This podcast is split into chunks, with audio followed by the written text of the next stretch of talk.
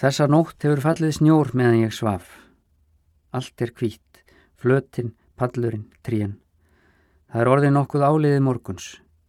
Ég sopnaði seint, hugsaði margt þungt og erfitt og svaf þess vegna lengur fram eftir en venjulega. Ég stari út um glöggan og þá sé ég að fótspor liggjaða hjólísinu, alveg upp á pallin, að dýra þreppinu og síðan yfir að minna hjólísinu. Svo liggja sporin aftur burt sömuleið tilbaka út af flötinni. Ég heyrði engan koma og heyrði engan banka, gorki á dyrnar eða gluggan hjá mér. Hver sem þetta hefur verið, hefur hann sannilega álíkt að það væri engin í þessum hjólísum. Kanski var þetta bara einhver á stefnuleysari morgungöngu í skóginum, fyrsta daginn sem snjóar. Mér finnst það þó ólíklegt. Eftirvill hefur þetta verið skóarvörðurinn nágranni minn sem ég sé næstum aldrei núorðið. Það er ekki gott að segja. Ég klæði mig og hita kaffið. Það er í mér ónótalegur innriðir hollur sem versnar við að rifja upp margtröðuna sem ég fekk þegar ég gall loksins sopnað. Mér langar ekki í morgunmat, lætt kaffið næja, sitt einn morgunin enn við gluggan og horfi út í þessa breyttu, kvítu veröld. Bref fann Gox liggja á borðinu, þessi ógnar stapli af brefum sem búið er að færa í bókarform.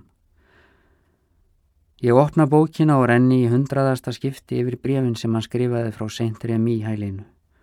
Þau eru öðruvísi en hinn brefin.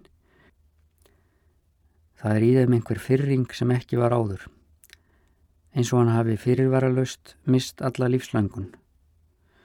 Ég ger mér engar hugmyndur um að líkjast fann Gokk á neitt nátt en ég skil hans samt betur en áður í þessu hjólísi meðan ég les rúmlega aldargömmul bref hans af geðspítalanum.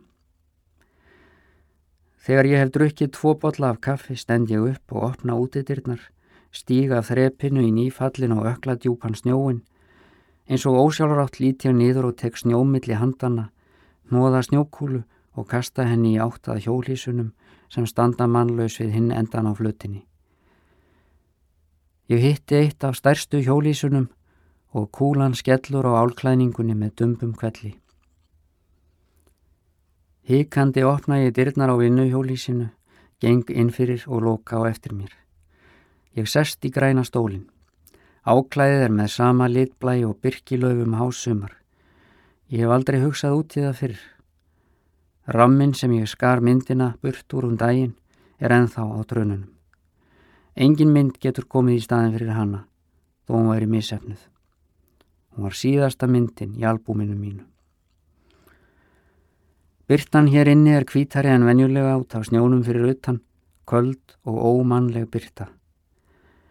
Ég stend upp til háls og tegi mig í steinolíuofnin, set á hann nýja áfyllingu af olíu, þristi svo á rauðarnappin og það tekur að loga. Fljótlega hlínar inni Loftið verður smám saman dálítið þungt og ég sit áfram í stólnum. Dyrnar eru mjög vel lokaðar. Ég er aftur orðin þreyttur og loka augunum. Þegar ég hugsa tilbaka finnst mér lífið hafa verið óralangur draumur og stundum næstum martröð. Síðan fer ég að hugsa um kínverska fortspekingin og draum hans um fyririldið, þessa síkildur ágáttu um svepp og vöku. Ég hugsa um són minn sem ég sé næstum aldrei. Ég hugsa um dóttur mína sem ég sé aldrei. Ég hugsa um konuna sem var móður þeirra. Ég hugsa um allar myndirnar sem ég komst aldrei til að mála, en sveimuðu í huganum þar til þær dopnuðu út í óminnis rökkrið. Þángað sem öll óunin listaverk hverfa og býðað þess að einhver fæðist sem geti dreyið þau fram úr sortanum. Það er þetta rökkurbelti sem umlíkur jörðina og allir sem skapa leita í.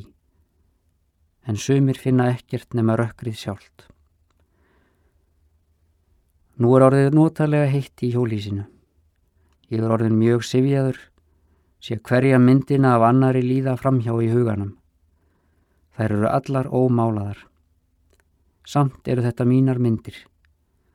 Það er þungur eimur í hjólísinu, að nokkru leiti af terpentínu en fyrst og fremst af steinolíunni sem brennur með jöfnum loga og opnþræðirnir glóa. Svo kemur förðulegt orð upp í hugan, leggstein ólíja. Eftir það koma engin orð, bara myndir. Ég er alveg að sopna.